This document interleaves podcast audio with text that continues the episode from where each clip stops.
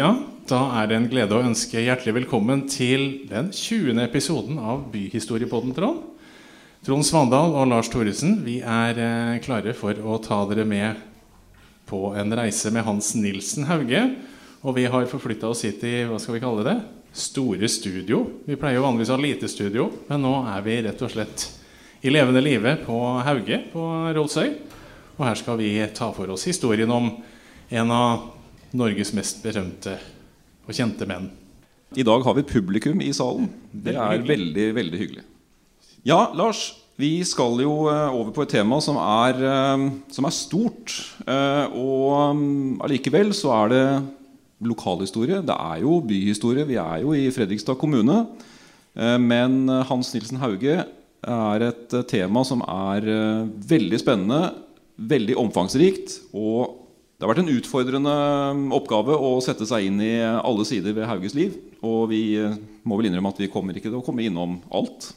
Men vi skal gi en, uh, et godt innblikk uh, i denne historiske nordmannen. Og hvem, hvem var nå Hauge? Jo, helt kort. Han var født på gården her vi er nå, på Hauge, i 1771. Han øh, hadde sin, sin, barndom her, øh, både på gården og, og, i Fredrikstad og i nærområdene våre.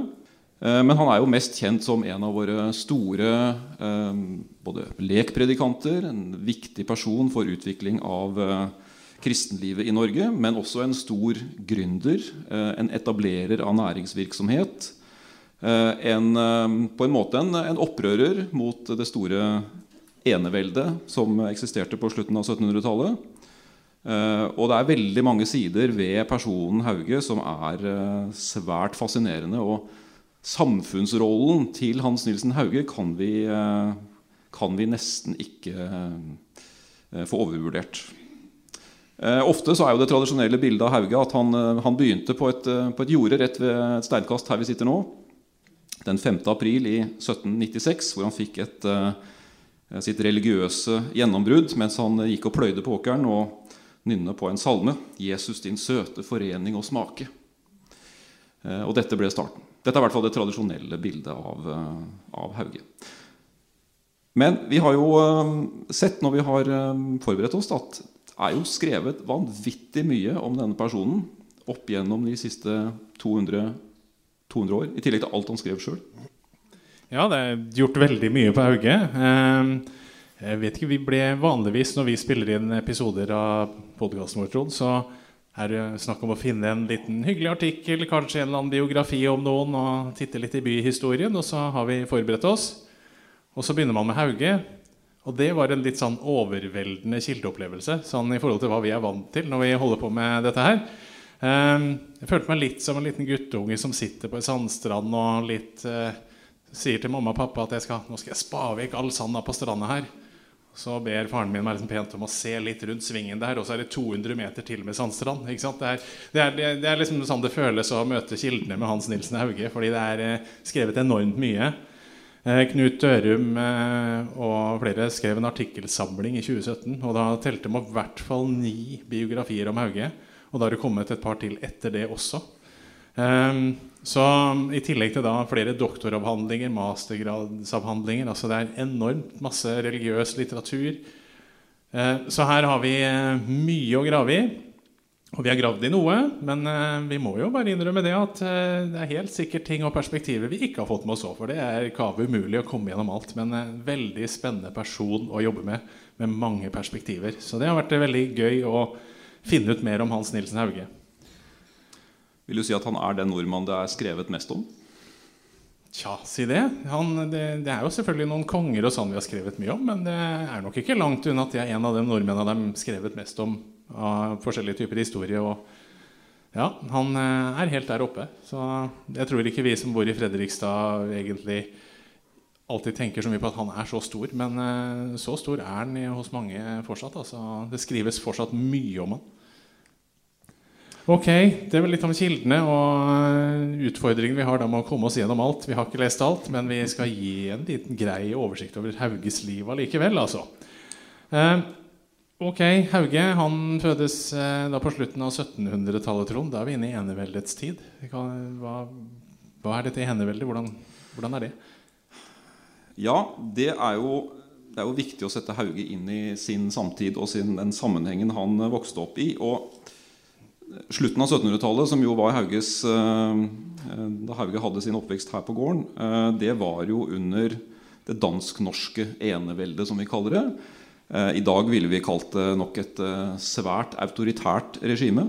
Kongen, som satt i København med sin regjering og sine departementer der, styrte landet eneveldig. Altså kongen hadde all makt. Og det var et samfunn som hadde Lite rom for uh, uenighet, lite rom for uh, å være uenig med uh, staten og regjering og styresett. Allikevel så er jo slutten av 1700-tallet også en tid med en økonomisk blomstringstid, men også en veldig urolig tid. Når Hauge gikk på jordet her i 1796, så var jo dette bare noen få år etter den franske revolusjonen var i gang. Eh, det skjedde store omveltninger ute i Europa. Eh, og det var ting som også begynte å bli kjent i, Danmark og i Norge. Eh, og det er klart, oppi alt dette her og når vi kjenner litt til Hauges senere historie med, Han var jo en, en opprører. Han utfordra jo regimet, og det var noe eneveldet likte svært dårlig. Og ikke, da, ikke minst i lys av det som hadde skjedd i Europa. Revolusjoner, I 1801 så er det til og med krig. Eh, britene angriper København. Det skulle de gjøre noen år senere også. Eh, så det var, en, det var, mye spenning i samfunnet. Og det aller siste kongen og regjeringa i København ønska, det var opprør i Norge. Så det er bakgrunnen. I tillegg så er det jo klart Hauge han, han var jo en predikant, han var en forkynner. Han ville ha en reform av kristenlivet. Det er jo helt tydelig. Og Der utfordrer han også eneveldets eh, statsreligion. Eh, og Vi møter jo ofte i litteraturen om Hauge eh, denne såkalte konventikkelplakaten.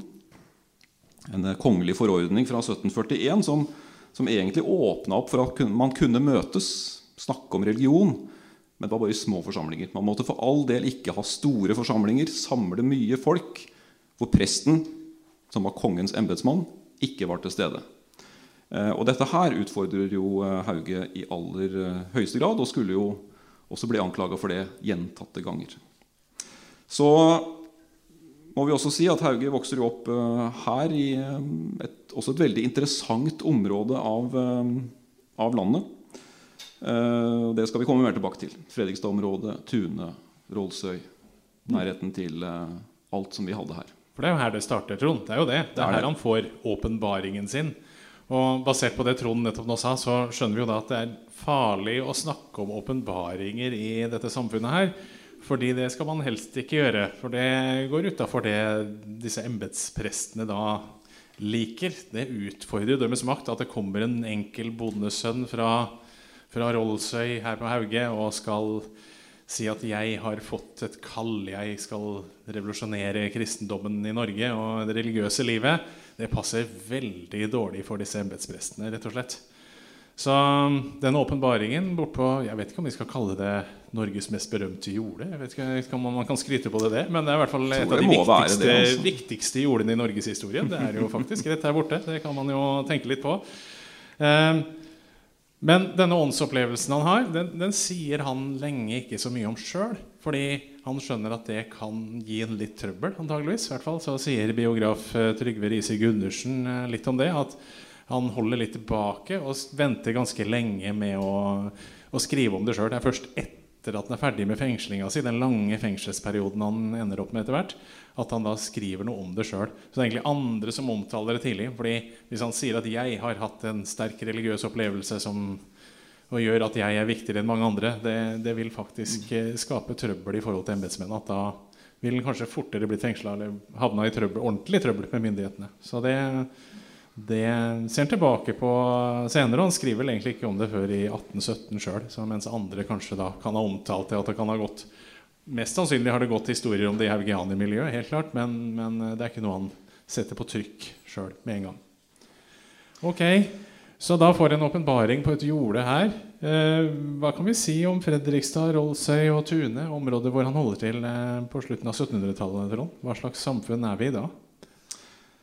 Jo, Det er et, et veldig eh, interessant sted på slutten av 1700-tallet. Det er ikke så, kanskje ikke så rart at vi to sitter og sier at Fredrikstad er et interessant sted. For det, det syns jo det er fortsatt.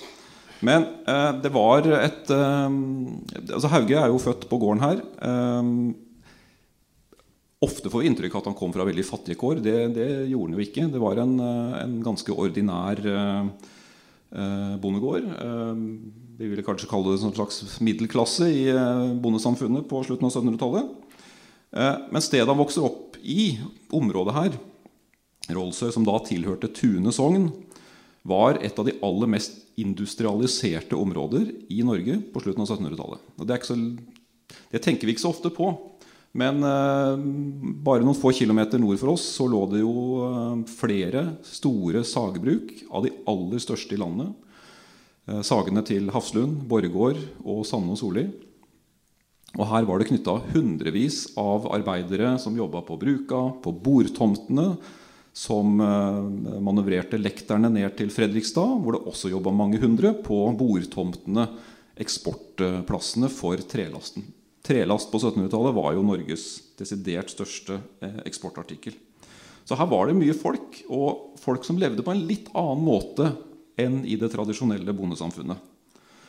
Eh, I tillegg så var det jo nærheten til byen Fredrikstad, som også var en ganske spesiell by. Det bodde ca. Ja, 1300-1400 innbyggere i Fredrikstad på den tida her. Eh, og det var jo en festningsby, en garnisonsby, prega av veldig mange forskjellige mennesker fra forskjellige steder i både Norge og Danmark og Tyskland. Soldater, dagarbeidere, eh, håndverkere.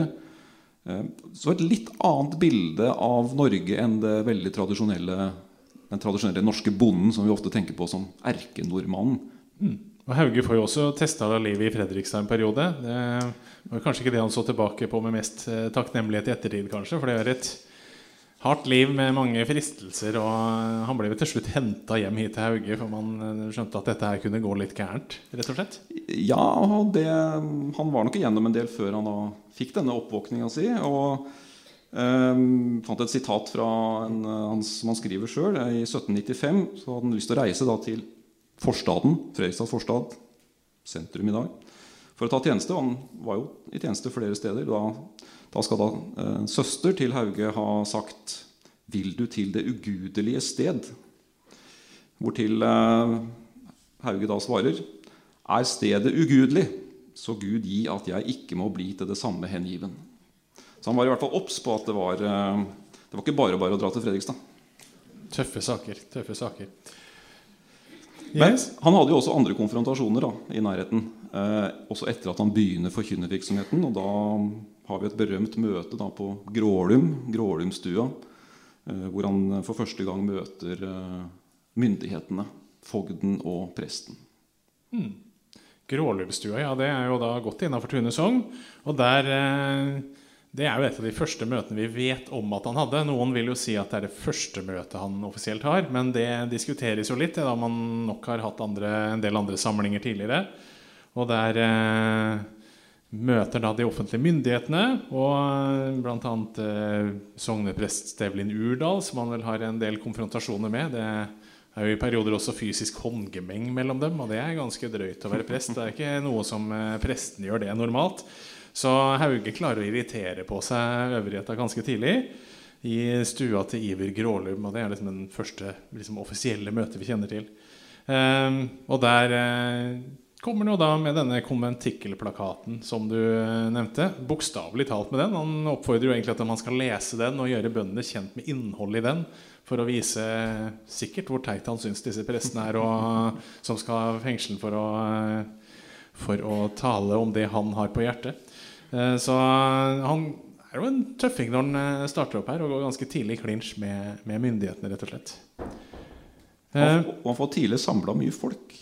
Så møtene så er det, det er masse folk som kommer. Så her må det jo ha vært et behov for noe i samfunnet, også her i, her i lokal, sånn, lokalmiljøet. Ok, Hauge han eh, fortsetter jo da fra Grålumstua. Da, da skal han mye ut og reise. Og da er det jo ikke så mye Fredrikstad, men det er jo byene han begynner å reise til. Altså vi tenker oss, Hvis vi ser på det bildet vi da har bak oss her, så er det jo ofte denne bondestua vi ser for oss litt. Noe mange har sikkert hatt eh, kopier av dette her eh, tilgjengelig i sine hjem rundt omkring. Eh, Haugianerbildet til Tidemann. Og da tenker vi oi, her har vi en bondevekkelse. Og så er han altså forferdelig mye på bytur, rett og slett. Han eh, er i Kristiania, Bergen, København. Og dette er da i en tid hvor det ikke er vanlig å reise. Altså, det, man må jo gå på føttene sine eller ha med seg en hest eller reise med skip. Det tar forferdelig lang tid å reise i dette samfunnet her. Og han reiser veldig mye. Um, og det er jo egentlig ikke lov å reise heller. Han uh, må jo da etter hvert ta handelsborgerskap for å få lov å reise. Det er begrensninger på hvor vi kan reise. Eh, vi er jo vant til å ha begrensninger på reiser nå i våre dager. Da. Vi har vært gjennom en koronaperiode. Men, eh, men, her er det helt andre grunner eh, til at det er inne i lovverket. At det kun er disse handelsborgerne som får lov å reise. Så det blir ganske kjapt en enorm virksomhet. Men det er fascinerende at han er så mye i byene. Og hva finner de i byene? Jo, han finner jo faktisk at det er mye rester av tidligere vekkelser. Så vi tenker ofte på at her, eh, altså Hauge var den første som klarte å vekke folket. Men det er mange gamle pietistiske bevegelser som ligger litt og ulmer der. Som, eh, det er noen alternative religiøse bevegelser rundt omkring. Altså Alternative det vil jo si at det er noen som er i opposisjon til myndighetene i denne perioden. her De er ikke veldig alternative, men sånn vi ville sett det, kanskje. Men han finner åpenbart en sånn type religiøs undergrunn der han reiser, og klarer å finne disse folka. Og mange har da røttene i denne 1700-tallspietismen, og mange har bakgrunn fra Herrenhoter-bevegelsen. Og de er opptatt av religiøs inderlighet, sårmystikk og masse, masse sanne ting. Så det er eh, mye, mye til dels rare ting han ender opp med å komme i kontakt med. Noen som pussige bevegelser som ikke spiser blodmat. Det er mange sånne rare varianter også som man kan finne mye når man leser om Hauge her radikale pietister som lar skjegget gro og velter seg rundt på gulvet. og Det er, det er masse, masse, varianter her eh, som, som, har eh, sin religionsutøvelse. Og det finner da midt i, eh, midt i dette strengt regulerte, regulerte enevoldssamfunnet. Og det har jo da Trygve Riise Gundersen, som har skrevet mye om Hauge, eh, han mener jo da må det må være mye mer folkelig religiøsitet her som ikke er regulert av staten, enn det vi egentlig kanskje har trodd tidligere. Da. Og Det kan nok skyldes at man har fokusert så mye på den nasjonale fortellinga på 1800-tallet at da skjer alt det bra i Norge. ikke sant? Når vi en, blir selvstendig i 1814, det er nasjonal romantikk, det, alt det morsomme skjer etter 1814. Og så er folk oppvakte. Det er mange som kan lese. Det er mange som har eh, god oversikt over mye i samfunnet også før 1814. Så det er ikke sånn at man bare skrur på en bryter her, og så er det et helt nytt samfunn som vokser fram på tre sekunder. Så det har vært noe her lenge. Um, der er du inne på noe som uh, også blir en gjenganger i historien. Da. Altså, hvilket bilde av Hauge er det egentlig vi har i dag? For det, det er jo i stor grad forma av det som skjedde etter Hauges død, altså utover 1800-tallet. Uh, en annen ting som uh, Du nevner det med de mange bevegelsene og denne undergrunnen av religiøse uh, forestillinger. Så, så, skriver jo også han Gundersen at det er altså dette, vet vi ikke, det, dette skriver ingen andre om enn Hauge. Altså det er han som beskriver det. Og Hadde ikke han skrevet det, så hadde vi aldri visst at det hadde funnes sårmystikere i Bergen f.eks. Nei, og det er jo noen som da mener at det er nok en viss eh, interesse fra embetsmennene sin side, altså disse embetsprestene og andre. De vil dysse dette litt ned. De vil ikke skrive om de ubehagelige tinga. Mens Hauge skriver mye om det han, eh, han ser. Han har ganske livlige skildringer også fra mange av reisene sine. Han er ganske, ganske krass i beskrivelsen av en del folk rundt omkring også. Så det er mye interessant i å lese Hauge. da Fordi han eh, beskriver mye av samfunnet i Norge på på sin måte, som er en helt annen måte enn det en embetsprest ville gjort. Så, og han skriver jo enormt. Det er jo det neste punktet vi må ta for oss her. Han begynner å skrive med en gang. Han får denne oppvåkninga mm. si. Så Hauge er jo en skriftkyndig person fra starten. Eh, og så har han en stor utvikling også i skrivinga si underveis. Men eh, bare tenk på det. i et samfunn med kanskje 800 000 mennesker, eh, så gir de ut 200 000 eksemplarer av skriftene sine på åtte år. Det er enormt mye i et samfunn hvor folk angivelig ikke kan lese så mye. Hvis man ber folk om å beskrive 1700-tallet i Norge, nei, da kunne de ikke lese. Da var de primitive, enkle mennesker. Altså, mange kan lese. Det er høy lesesyndighet i Norge ganske tidlig. Og mange kan da både lese Hauges skrifter sjøl og også få andre til å lese for seg. Så det er fascinerende. Så, ja. Ja, og dette er jo en av de aller mest fascinerende tinga med Hauge. Altså, det er jo alt det han skriver. Han skriver ca. 30 bøker i løpet av sin, eh, sitt liv. Som sier 200 000 eksemplarer. Eh, i tillegg til masse brev, selvfølgelig, til, til vennesamfunn rundt i, i landet. Eh, så han var jo um, Og han skriver jo for et publikum som, som jo kunne lese. Og I Norge så kunne nok de aller fleste lese på Hauges tid. Altså man, det ble innført konfirmasjon. Konfirmasjon kommer på 17 tidlig 1700-tall. Eh, det gjør også de første enkle skolene. Mange kunne nok ikke skrive. Det var, det var, forskjell på å kunne lese og kunne skrive. Men de aller fleste kunne, kunne lese. Eh, de kunne lese i Bibelen, de kunne lese i katekismen og Pontoppidans forklaring. i hvert fall. Dette skulle man i hvert fall kunne stotre seg gjennom. Eh, og I tillegg så viser jo Selv om Hauge er spesiell, han skriver veldig mye så, så viser det også at mottakerne, befolkninga, de har definitivt vært der. Og skriftene blir jo spredt veldig fort. Eh, og så var jo dette et samfunn også med hvor det ikke var enkelt egentlig å få trykt og utgitt bøker.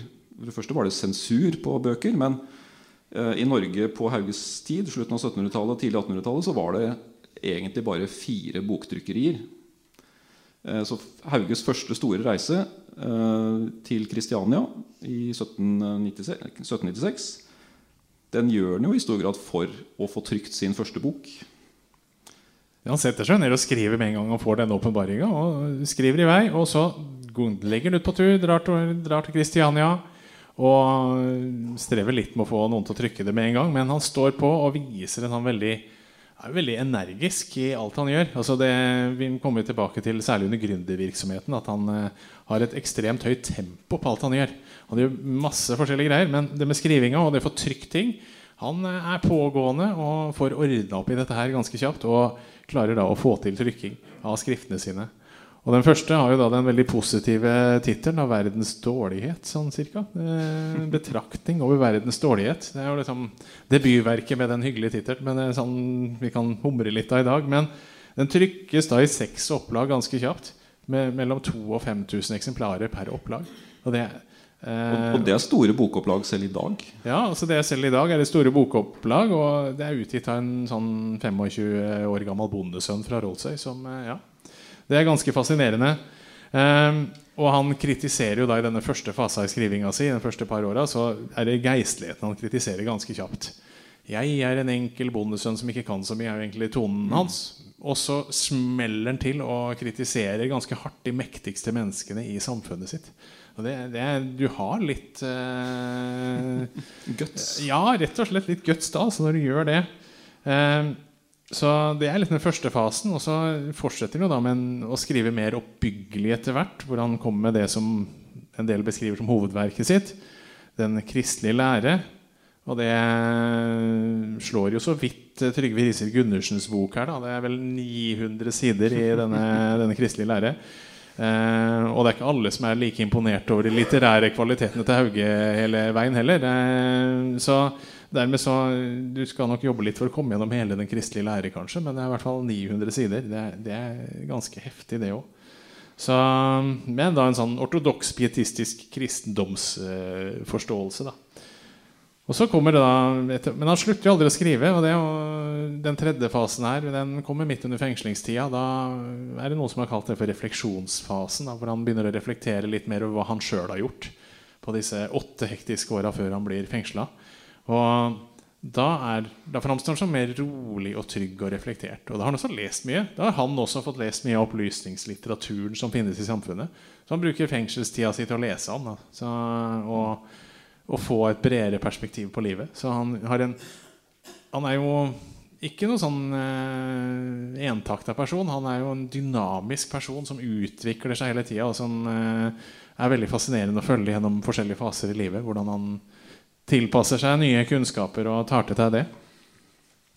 Men det som kanskje er en av de viktigste tingene han driver med, da, som bortsett fra det religiøse, det er jo gründervirksomheten, Trond. Altså, han skriver voldsomt mye, men han driver også starter voldsomt mye bedrifter og er enormt energisk.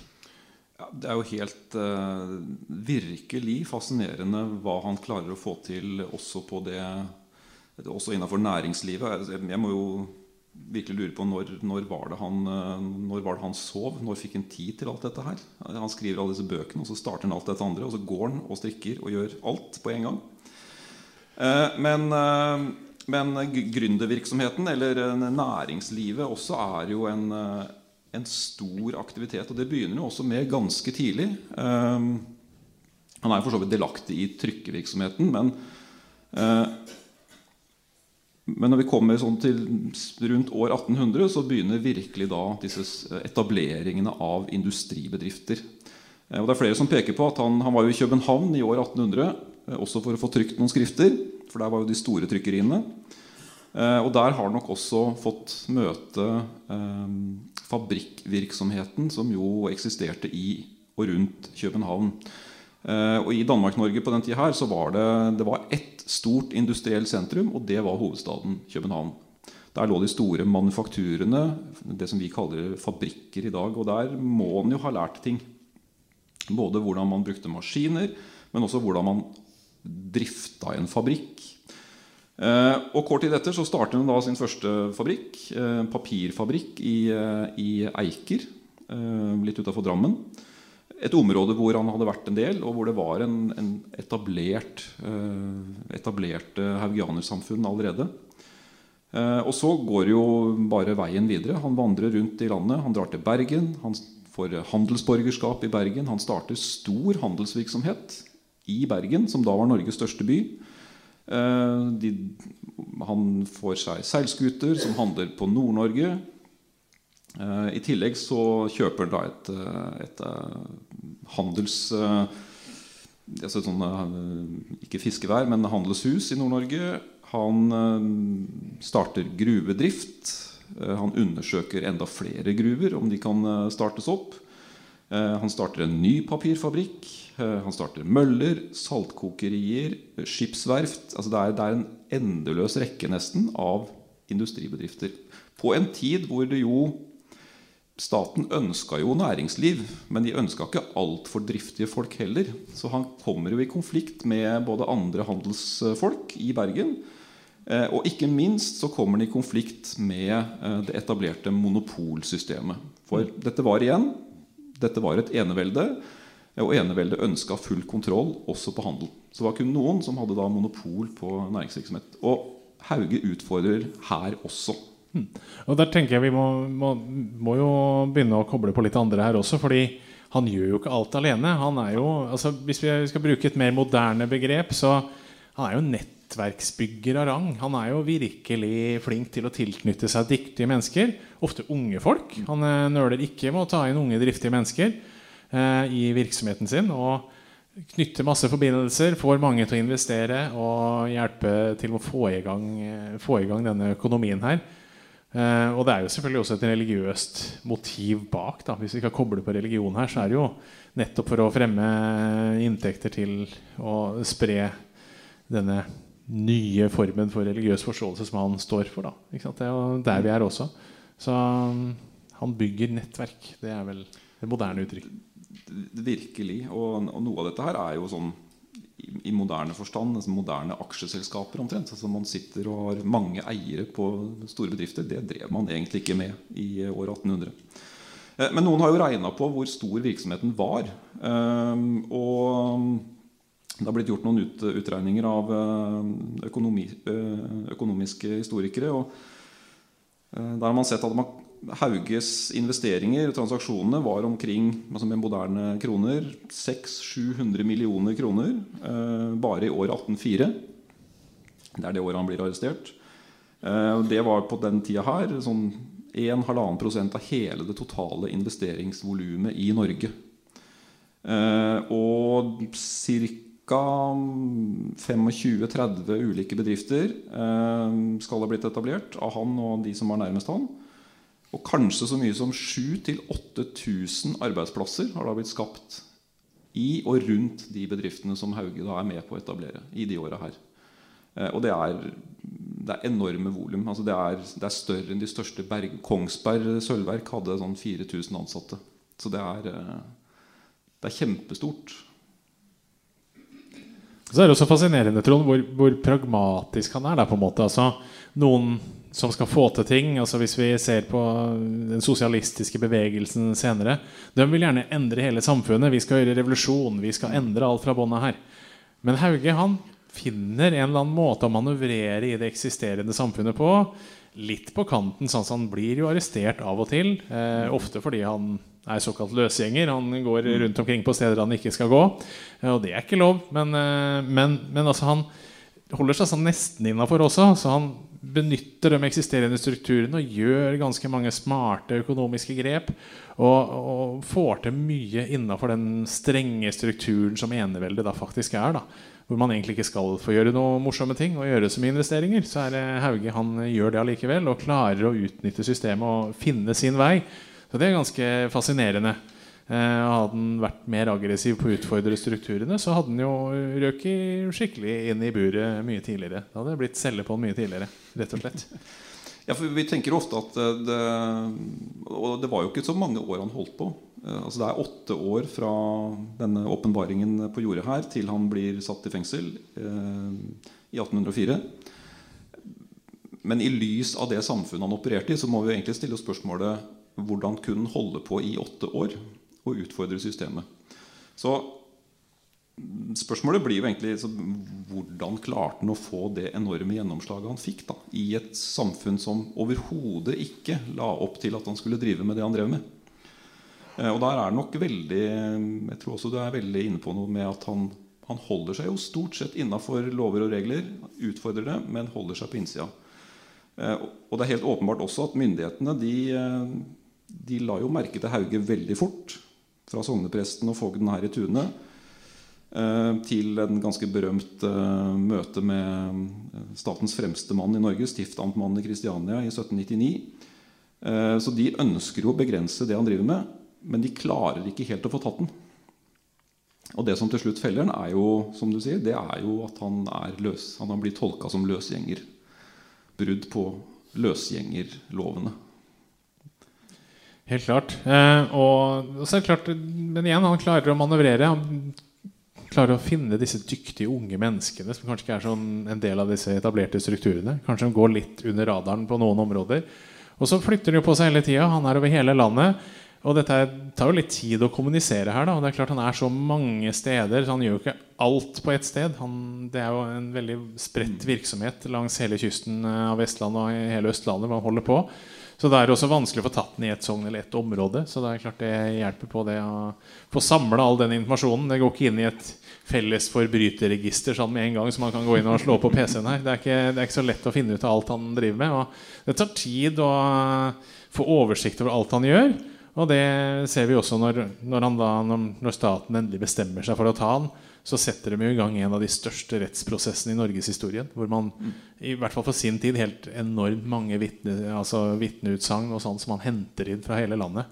Og det tar jo tid da, i et samfunn hvor det tar flere uker å reise fra nord til sør. Så er det klart da tar det tid å hente inn eh, de vitneutsagnene og få sendt de rette breva dit de skal. Eh, og, og så, videre. så det blir en veldig stor prosess når den første kommer i gang. Men, eh, når, men da blir den også enorm. Da. Men det tar tid før man klarer å komme i gang med det. Og få finne en måte å ta den på.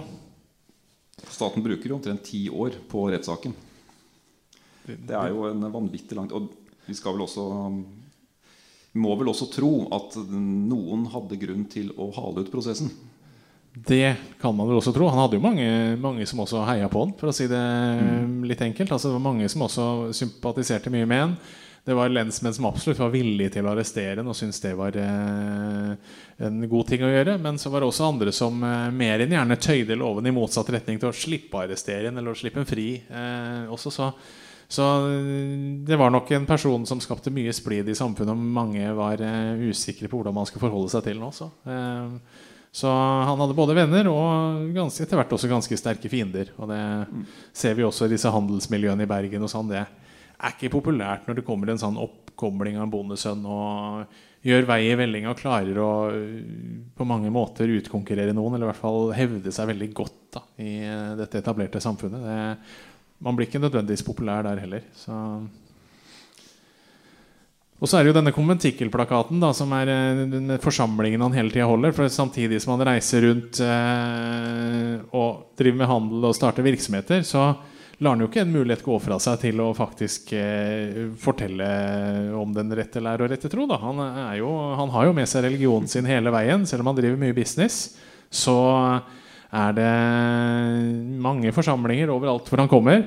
Eh, så det er nok en god del bondestuer som også får besøk av han. Det er ikke sånn at han bare er i byene. Han reiser jo gjennom hele landet. Og, og den konventikkelplakaten er eh, sikkert velment en gang i tida, men eh, den sier ikke så mye om hvordan man skal straffes. Og det er jo en utfordring da, hvis du blir stoppa i fartskontroll og man ikke helt vet, skal, hvilken bot man skal gi deg. Ja, men hva skal vi gjøre i dag? Og Berit har kjørt i 50 hvor, i 40-sona. Hvor mye skal vi straffe henne med nå? Det, hvis man ikke har noen straff som er definert, så er det også vanskelig å, å si at da skal vi i fengsel i ti år. Det er, det er, ikke så lett å gjøre det. Så det er noe av utfordringa med den konventikkelplakaten. Altså, og dette var jo også et system som ikke Det oppfordra jo ikke til at lokale embetsmenn skulle fatte noen beslutninger på egen hånd. Så de sendte jo alle beskjeder videre oppover i systemet, og da tok det tid. Da tar det tid. Men når dette mektige kanselliet nede i København da, eh, For det er jo det som også er utfordringa her. Det er jo ikke bare en, et enevelde, men eneveldet er jo styrt fra København. Og det forsinker jo ting litt, det. Eh, hvis du skulle i utgangspunktet låne penger eller gjøre noe sant i Norge før, eh, før vi kommer eh, et stykke ut på 1800-tallet, så, så, måtte du jo til København. Det var der bankene var. Det fantes jo ikke noe bank i Norge på 1700-tallet. Altså Den kommer eh, tidlig på 1800-tallet. Første, første spede forsøket var jo Hauge som eh, det er jo Hauge er jo en av de beste bevegelsene som klarer å låne penger og ordne finansiering til mye virksomheter. De er jo dyktige på det. Så alt skjedde i København, og da tar det også tid før noen tar tak. Men til slutt så gjør de jo det da når vi kommer til 1804. Og da er det dette mektige kanselliet i København som eh, begynner å se at denne bevegelsen begynner å bli så stor og så truende at nå må vi ta tak. Nå må det gjøres noe her. Eh, og det er et voldsomt og mektig lekmannsnettverk, disse augianerne, som utfordrer religionsmonopolet. Og man begynner å bli klar over hvor stort det er. Og da må man sette ned foten til slutt. Da. Og da gjør man det ganske greit. Man tar i bruk de lovene man kan. Han blir jo henta inn for brudd på løsgjengerloven, handelsloven, trykkefrihetsloven og konventikkelplakaten. Så nå er det ikke noe tvil om at nå skal man finne alle paragrafer man kan for å få, få denne litt plagsomme mannen i, inn i cella. Og det må jo sies da, at Selv om han hadde operert i åtte år, litt på kanten av loven, eh, så kan vi lure på hvorfor ikke de hadde gjort noe før. Men når de faktisk slår til, altså når eneveldet faktisk hadde bestemt seg, og man hadde fått området seg i alle, alle, deler av det, så kunne Da kunne responsen være ganske Den kunne være voldsom.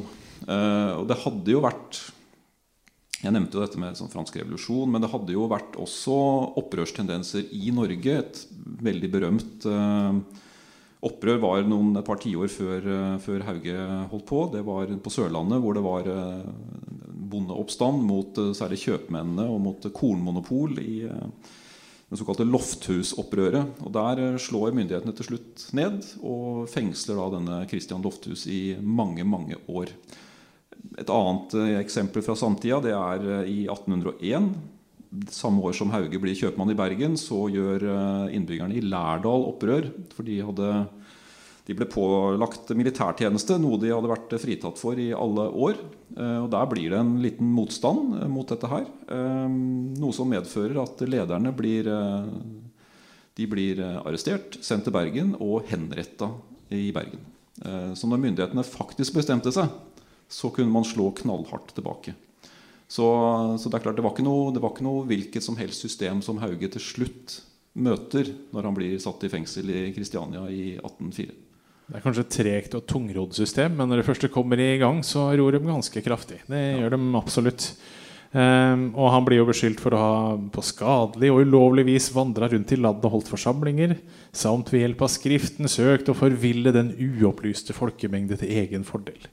Og han skal berike seg sjøl, han skal lokke til seg barn. Altså, altså, Mengden beskyldninger er ganske omfattende her. Og man henter inn alt man kan her. Og noen angir sikkert han pga. misunnelse, og andre redd frykt for egen posisjon. Mm. Og det Samtidig som man også får mange som taler til fordel for seg sjøl. Som disse haugianerne også. Men de får jo ikke dømt den. Det tar jo årevis.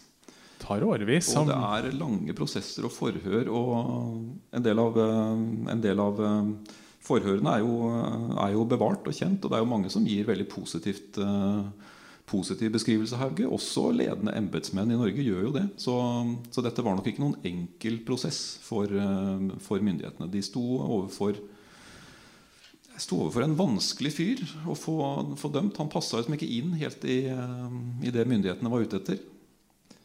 Nei, og da, da slipper de altså, Og når han får enkelte dommer, så er han jo ganske flink til å anke og utnytte systemet. Han, de er et ganske stort apparat som også da, på en måte hjelper han da, med å unngå, unngå, straff. Han blir jo bare sittende i fengsel og sittende i fengsel fordi man venter på den endelige dommen fordi saken blir tatt videre og tatt videre. Og, og det er jo selvfølgelig et stort problem for Hauge. Han blir jo etter hvert eh, knekt av dette her. Den fysiske helsa hans blir jo voldsomt svekka av eh, av dette opplegget her. Så når han da til slutt slipper fri etter uh, at han får en ikke ubetydelig dom, det var nok en uh, stor uh, pengestraff for mange å måtte betale en del riksdaler i 1814. Mm. Men, men, han hadde så mange venner i haugianerbevegelsen at det gikk kjapt å få, få dekka inn den straffa han faktisk fikk.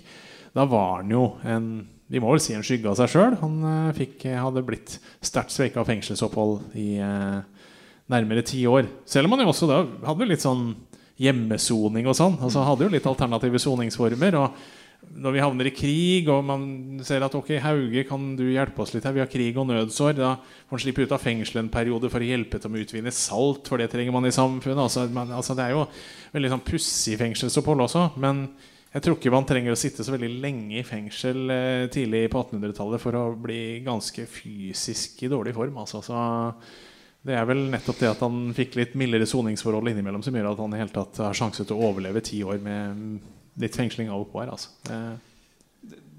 Nei, altså Hvis man har vært inne i uh, celler som ble brukt på Hauges tid, så, så er det jo uh, nesten ufattelig at han klarte å sitte der uh, nesten uten opphold i, i hvert fall de første fem åra før han slipper ut i 1809 under napoleonskrigene. I det hele tatt så er det helt uvanlig at man satt i fengsel i så mange år. For det var egentlig ikke noen fengsel var i utgangspunktet ikke noen straff. Enten så skulle du sitte der i påvente av uh, en annen type straff, eller så ble du sendt på tukthuset til straffarbeid eller festningsslaveri. Så, så det, er, det, er, veldig mye uvanlig med prosessen mot Hauge og også fengselsoppholdet hans. Og Fengselsoppholdet det beskriver han jo også sjøl etterpå. Det kan vi jo koste på oss å lese litt av hva han skriver der. For han uh, sier jo sjøl at det forandra og rysta min helbred således at jeg, som var av den sterkeste legemsbygning og beste helbred, jevnlig lider under blodsott, slim og koldfeber, gikt og kolikk, skjørbuk, vattersott, idelige forstoppelser og nervesvekkelser. Det er forårsaket oppsvulmet legeme, gul og blek ansiktsfarve, en besynderlig sensibilitet imot enhver luftens og værets forandring. Så det er en ganske sånn lang liste med lidelser han mener skyldes fengselsoppholdet sitt. Eh, det hørtes ikke så veldig hyggelig ut, dette her. Jeg tror vi hadde hatt eh, eneceller på Kalnes ganske lenge etter, eh, med, den, med den diagnosen her. Altså, det er heftige greier. Så da skjønner vi at den er knekt altså, når han kommer ut av fengsel og omsider blir en fri mann.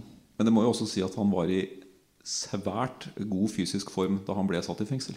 For i det hele tatt å overleve dette her. Absolutt. Og Hvis vi skal se litt på den sene Hauge som faktisk kommer ut, så blir det jo et helt annet liv eh, og en helt annen måte å være på. Han reiser ikke lenger, og han blir bofast. Han blir til og med gift, og han får eh, barn.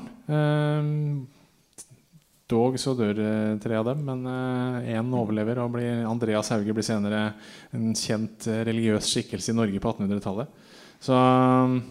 Men da bor han i Oslo, først på Bakkehaugen og senere på Bredtvet. Og der blir han boende lenge. Eh, Også ganske store gårder. Så det var Han får hjelp til å kjøpe disse ja. gårdene og får et sted å bo. Så han har, jo, han har jo et nettverk rundt seg som tar vare på han. Ikke sant? Altså det er det, det er mange, han har mange venner. Eh, Haugianer, eller Hauges venner, som man også ofte kaller dem. Ikke sant? Det er mm. klart det, De er virkelig vennene hans, og de stiller opp og sørger for at han har eh, eh får muligheter til å leve videre i en relativt ålreit sjikt når han kommer ut av fengsel. Ja, og den lange fengslinga den endrer også bevegelsen og egentlig Hauges tone også. Altså, mens Hauge er en opprører på mange måter de åtte åra før han fengsles, så er det en helt annen Hauge som kommer ut. Og som har en helt annen holdning også til disse prestene, som han da har gjort sitt beste for å irritere på seg eh, før, eh, før fengslinga. Så begynner nå etter hvert til med å oppfordre til lydighet overfor presteskapet. Så han har et helt annet syn på hvordan religionen skal foregå i samfunnet. Og bare historikeren Berge Furre har i en sammenheng så beskrev en Hauge som en knekt mann, han også. Og haugianerne og Hauge beskrives da som en malende katt på statens fang. er betegnelsen han bruker her. Eh, så, så, det sier jo litt om eh, hvordan dette endrer seg. Og eh, nå skriver han jo mye, da, fortsatt. Det gjør han jo. Han har jo en voldsom uh, litterær produksjon etter at han kommer ut. Eh, og han er jo også med i etablering av industrivirksomhet etter at han kommer ut. Så, så helt virkeløs er han jo ikke. Men, men det er klart, den fysiske formen har nok vært svært svekka etter fengselsoppholdet. Men så kommer det også ut i en helt annen stat. Det må vi også ta med i beregninga her. I og med alt som skjer i 1814 Eh, så var jo Norge blitt et helt Staten Norge var blitt noe helt annet. Vi var ikke lenger et enevelde styrt fra København, men var blitt et eh, I hvert fall til et viss grad folkestyrt eh, rike med et storting, med folkevalgte som, som var øverste myndighet. Vi hadde fått en konge som nå satt i Stockholm, men, men nå styrte Norge seg stort sett sjøl. Og det kan nok også være en grunn til at han fikk en uh, såpass mild dom som han jo faktisk fikk da, i uh, senhøsten uh, 1814. Og det hører jo også med til historien at av, ja, i hvert fall tre av eidsvollsmennene bekjente seg som, som haugianere. Og i de påfølgende stortingene, også i åra etter 1814, så, så, blir jo mange av stortings, stortingsmennene de, de er jo en del og hadde vært en del av Hauges uh, bevegelse. Og påvirkninga som, som, Hauge jo hadde på den uh, politiske utviklinga av Norge i året etter 1814, den uh, er jo også veldig stor hvis vi begynner å se etter den.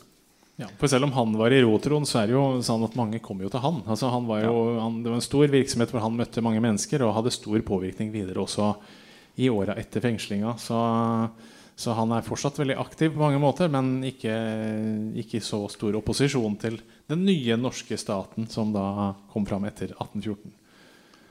Og så lever han jo livet sitt da, i, i, utkanten av Oslo og dør til slutt eh, 29.3.1824. Eh, mot slutten kunne han knapt snakke. Han er sterkt svekka av denne sykdommen. Han er jo ikke så gammel egentlig. 53 år er ikke noen voldsom alder, det. Um, levealderen var i og for seg lav på den tida, her, men det skyldes jo at det er, en stor andel uh, barn som dør veldig tidlig. Altså Det er mye uh, høy dødelighet i samfunnet tidlig. Så, så, det var jo ikke uvanlig å bli forholdsvis gammel også i dette samfunnet. Men Hauge uh, var da såpass fysisk svekka at han gikk ut av tida da i 1824.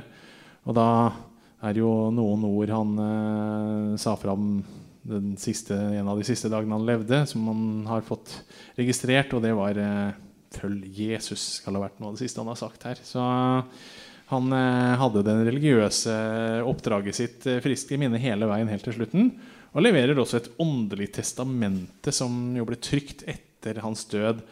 Og da er han til og med inne på sensur av haugianerskrifter. Altså han mener til og med at et av disse punktene, punkt fire i dette åndelige testamentet hans, mener at han faktisk da i regi av de eldste i haugianersamfunnet så skal de på en måte sensurere og godkjenne skrifter som gis ut. og sånn. Ehm, så det, det, er jo ganske annet enn den tidlige Hauge, da, som eh, skriver rett fra hjertet og flesker til mot øvrighet. Altså det ordentlig suser etter. Nå er det, nå er det en helt annen tone. og han oppfordrer også i punkt 5, da, etter at han har oppfordret til sensur først, så oppfordrer han da til å følge Kirken og prestenes lære. Så han har et ønske om å bevare det han har vunnet, for han ser jo også at han har vunnet ting og vært med på å endre samfunnet. Det, det gjør han jo. Så. Ja, for det er jo en viktig eh, det er jo en viktig arv etter Hauge. Så Vi ser den ofte som opprør, og det var den jo i 1796 eller tidlig på 1800-tallet. Opprør mot, mot eneveldet og eneveldets, eh, prester. Men, eh, men, i den nye norske staten etter 1814 så har han jo på mange måter eh, klart å vinne fram. Eh, fra stor representasjon på Stortinget av, eh, av haugianervennlige politikere til altså Vi kan jo se lokaldemokratiet i Norge, som kom med formannskapsloven i 1837. Det er jo nesten en direkte konsekvens av det, det folkelige opprøret som, som Hauge hadde starta, den bevegelsen som jo kommer i etterkant. I tillegg til å oppheve den religiøse ensrettinga. Man får jo dissenterparagrafen som kommer. Man, man, har lov til å tro på noe annet.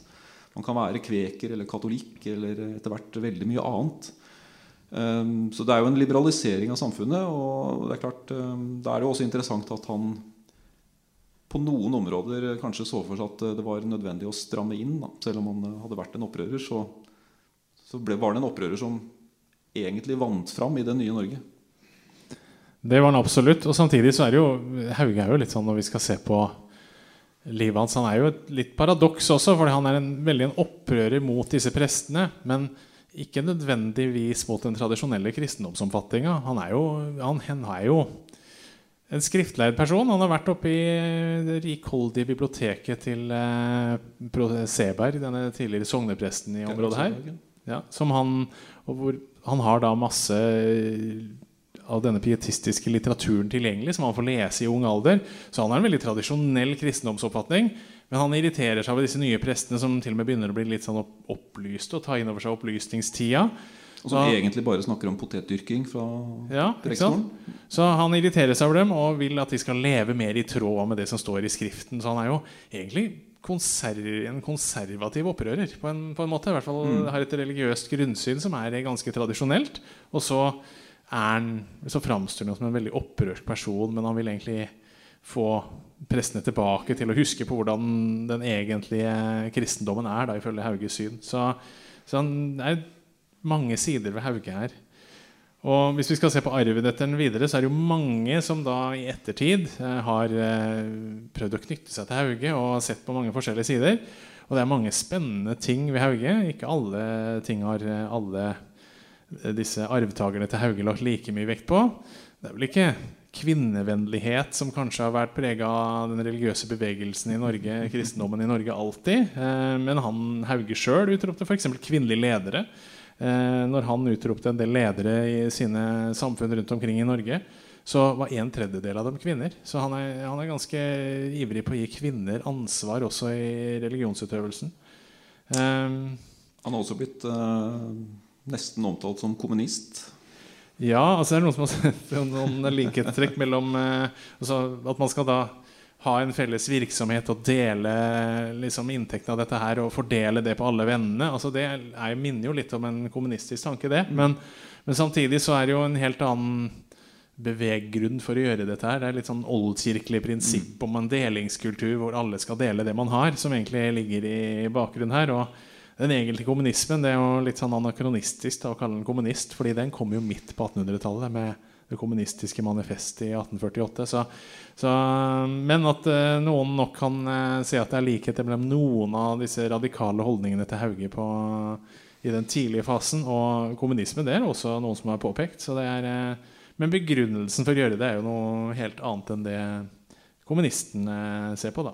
Og det er jo kanskje en sånn litt eh, spesiell tanke, da, særlig i moderne tid. fordi mange ser jo på kommunister som tradisjonelt veldig antireligiøse. ikke sant? Så det å ta Hauge til inntekt for en type kommunisme det vil være ganske heftig å ta inn over seg for noen der. Men, men at det er likheter, det er det nok på i man, uh, hvordan man vil dele på ting. og sånt, Det kan det være. Men eh, han er absolutt ingen sånn moderne AKP-ML-type. Det, det, er han ikke absolutt ikke. Det er anakronistisk. Men um vi begynner å nærme oss vår egen tid og bildet av uh, Hauge som, uh, som har blitt skapt etter at han faktisk døde. Men vi må jo også stille spørsmålet som vi ikke har gjort ennå.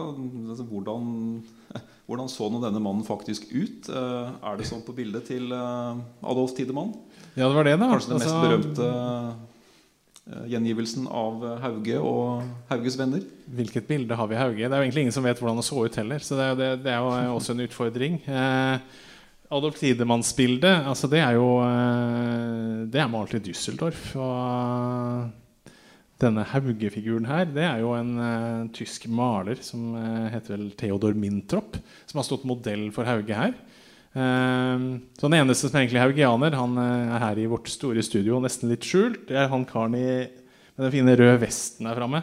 Han er jo en haugianer som, som Tidemann da maler gjentatte ganger. Som han har tatt med seg som motiv fra Norge.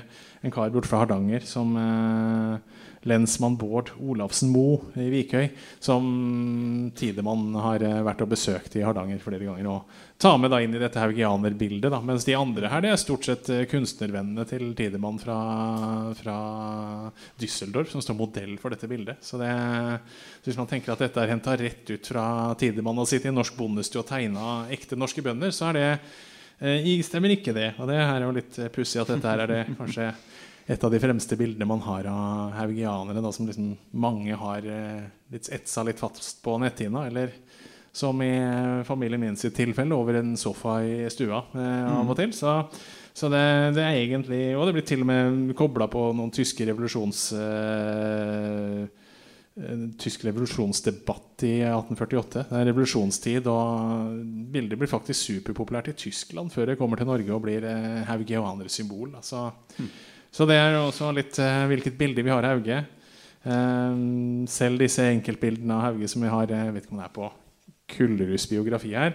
Dette relieffet her, det er også antageligvis Det er fra 1870-80-tallet en gang, antageligvis. Mm. man da har eh, prøvd å reprodusere dette her. Men det skal også da ha blitt dels godkjent av enka hans fra det siste ekteskapet hans. At hun syns dette her ligna på Hauge. da, så, Men vi har ikke noen samtidig skildring av han. Så bildene av Hauge de kan variere, både de konkrete bildene og, og de bildene hver enkelt har av Hauge. Da, avhengig av litt religiøst ståsted, om man går inn i dette som historiker, eller om man er kommunist som vil finne noen eh, med lignende holdninger som en sjøl. Man kan bruke Hauge til mye. Eh, mange tolkninger. Så ja, avslutningsvis eh, En av norsk histories viktigste enkeltpersoner kan vi, kan vi, konkludere med det? Ja, det tror jeg vi absolutt kan konkludere med. Og uh, ingen grunn til å slutte å lese om Hauge, Trond.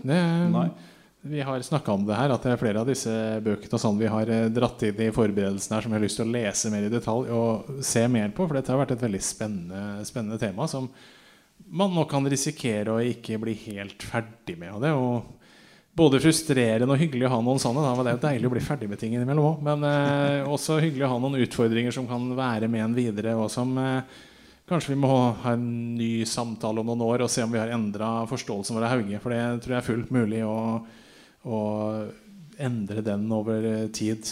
For det forskes jo stadig vekk på dette her. Trygve Riise Gundersen, som har skrevet denne mastodonten eller murstenen her på 700 sider om Hauge skildrer egentlig bare fire år av haugianerbevegelsens eh, tid. Og han holder på med bind to. Så det er klart her er, her er det bare å, bare å, glede seg til mer haugestoff. Det er i produksjon, så ikke et tema man blir, eh, blir ferdig med. Hvis man har lyst til å fortsette med det videre, så er det bare å stå på. Så er det nok å ta. Ja, skal vi si det sånn? Var det Hauge, Trond? Sier vi oss ferdig herfra, i hvert fall. Ja takker vi for uh, følget i denne episoden. Håper mange har lyst til å se mer på Hauge videre. Takk for oss. Takk for oss.